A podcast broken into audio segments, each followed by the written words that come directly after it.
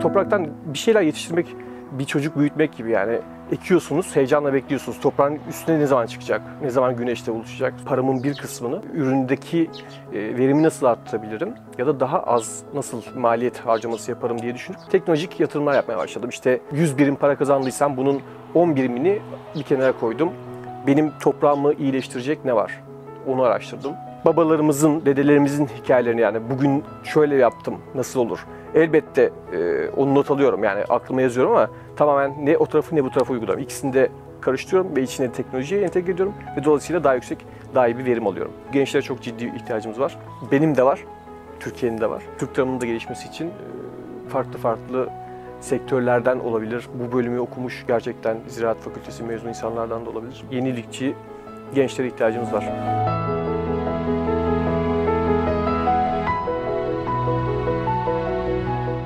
Benim tarım hikayem aslında 2006 senesinde ilk defa e, bir ürün yetiştirmemle başladı. Patates yetiştirmiştim o yıllarda. Şehirde yaşıyorduk. 2002'de köye yerleştik. E, tabii öncesinde de bir üretimimiz vardı ama tam olarak köylü değildik. E, çiftçiydik sadece. Baba aileden bahsediyorum. E, 2002'den 2006'ya kadar asla ben köyde üretim yaparım, işte köyde kalmak istiyorum, çiftçi olmak istiyorum diye aklımdan bir şey geçmedi. Fakat e, 2006 yılında bir hiç kullanılmayan e, atıl durumdaki bir arazide e, üretim yapmaya başladım. O zaman yaşlı olarak da 14 yaşındayım. E, oradan bir patates filizlenmesini gördüm. Patatesi yetiştirdim, patatesi sattım ve bir para kazandım. Tabii ben e, o sürelerde şey değildim. Çiftçi olmalıyım, işte çiftçi olacağım, toprağı çok severim gibi bir şeyim yoktu ama yine de ilk 2006 yılındaki kazancım benim için çok değerliydi.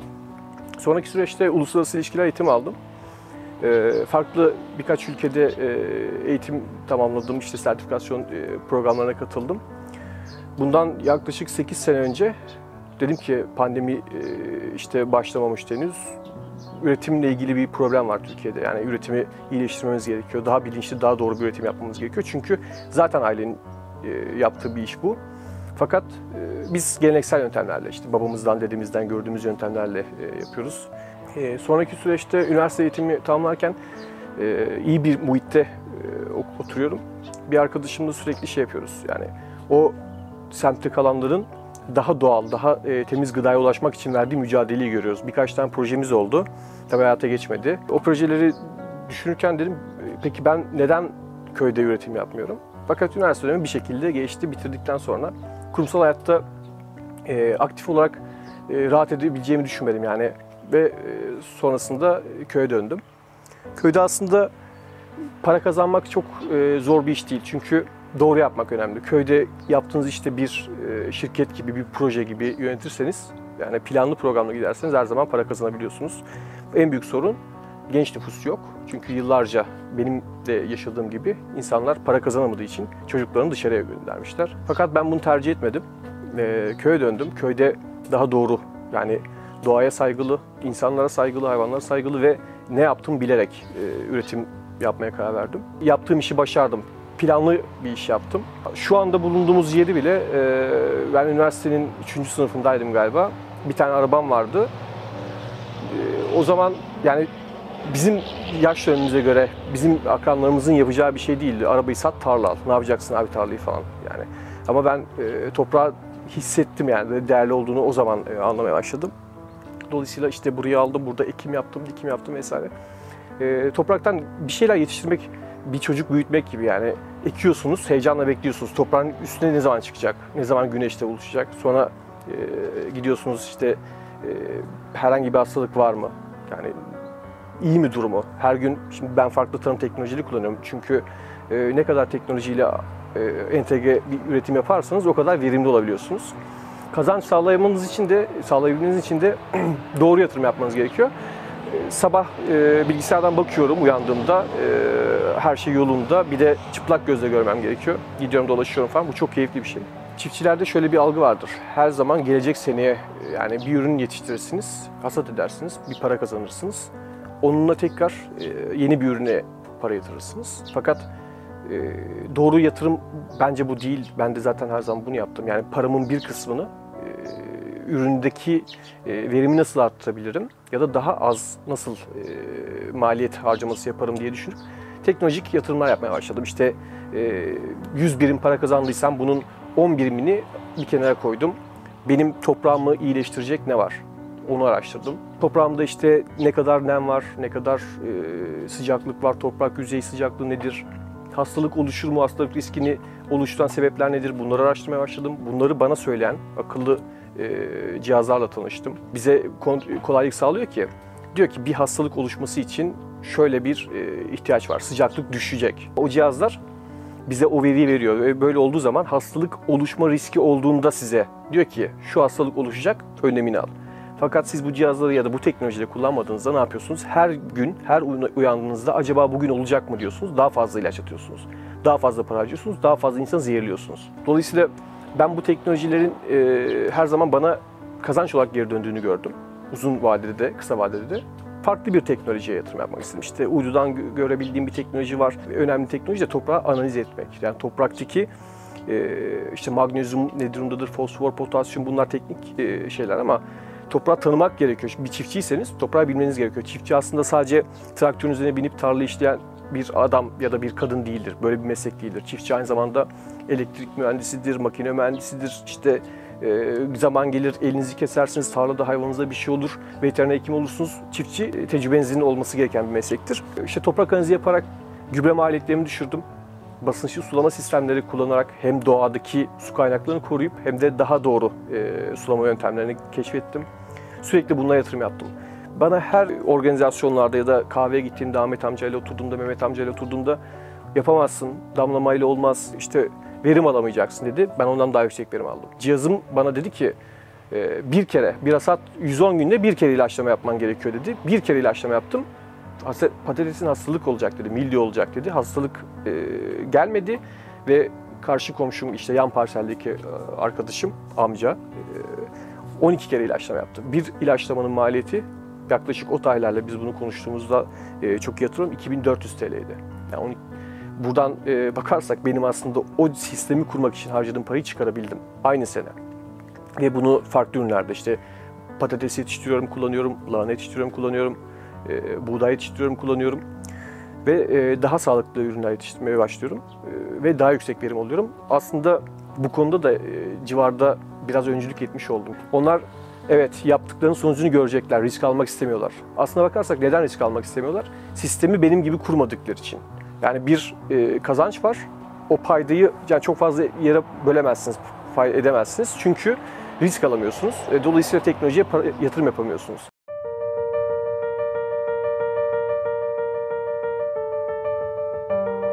Ben e, tarımla ilgili böyle bir mücadeleye girdim ve bundan gerçekten geri dönüş aldığım için sürekli yeni yeni üretim modelleri, işte yeni teknikler. Ben aynı zamanda Türkiye'den hiçbir resmi üyesinin olmadı. Global Farmer Network diye bir oluşum var.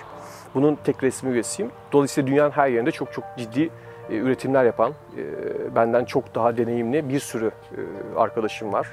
Onlarla sürekli irtibat halindeyim. İşte WhatsApp gruplarımız var, fikir alıyorum. Çünkü ben yaklaşık 7-8 yıllık bir profesyonel olarak yani bu işi tek başıma bu işi yapıyorum, çiftçiyim.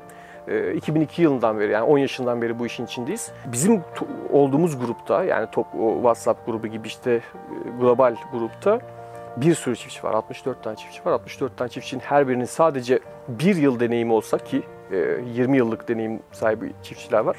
Bu demek oluyor ki 70-80 toplamda 70-80 yıllık deneyim sahibi insanlarla görüşüyorsunuz. Bu çok değerli bir bilgi. Ee, dolayısıyla üretim modelimi ben bu şekilde planlayınca daha doğru e, yatırım yapacağım. Asla vazgeçmemen gerekiyor sosyal hayattan. Neden? Çünkü e, köydesin.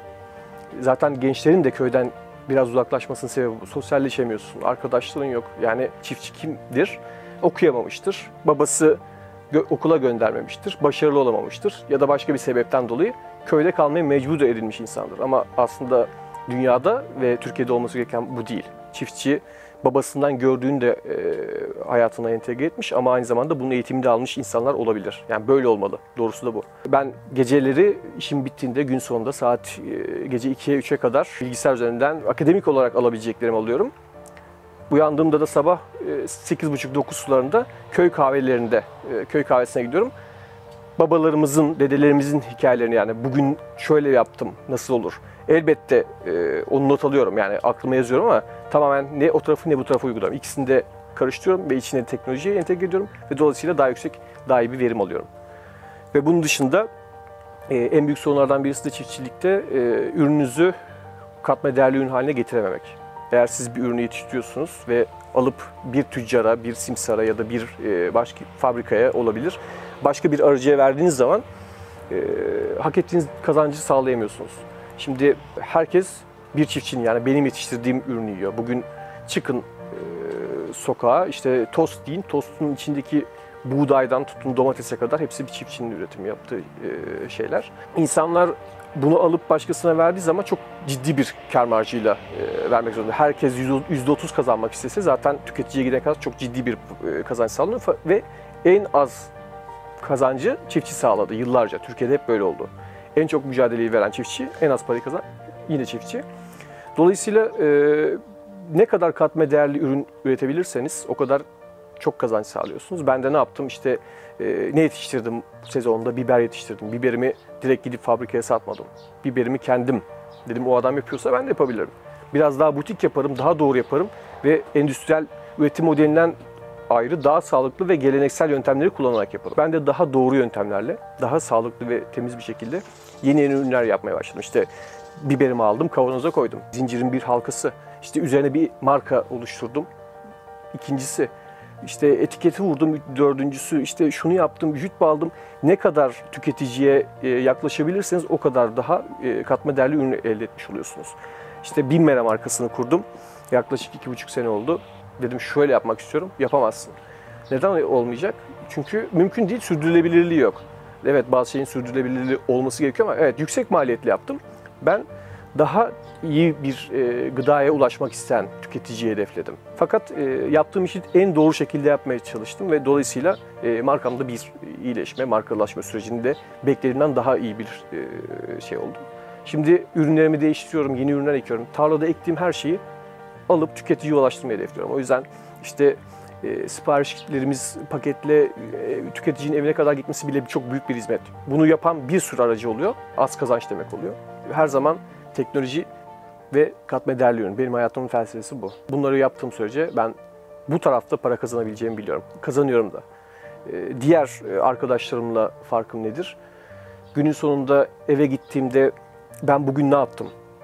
İşte yaptığım şeyleri yazıyorum, listeliyorum, notlar alıyorum. E, bu bana nasıl bir dönüş yaptı? Ben bundan 4 sene önce hangi tarlaya ne kadarlık bir e, işte mazot yakmışım, ne kadarlık gübre kullanmışım bunun hepsinin datasına sahibim. Ama diğer arkadaş işte bunu bilmiyor.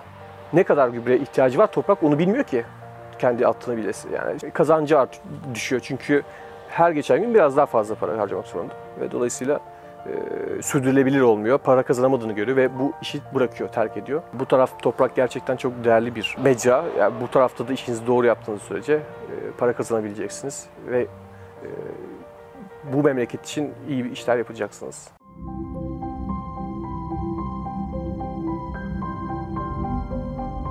Bir süre sonra ben bir çalışma yaptım. E, oturdum dedim ki daha az iş gücüyle, daha az e, insan gücüyle nasıl bir sürdürülebilir bir e, sistem kurabilirim?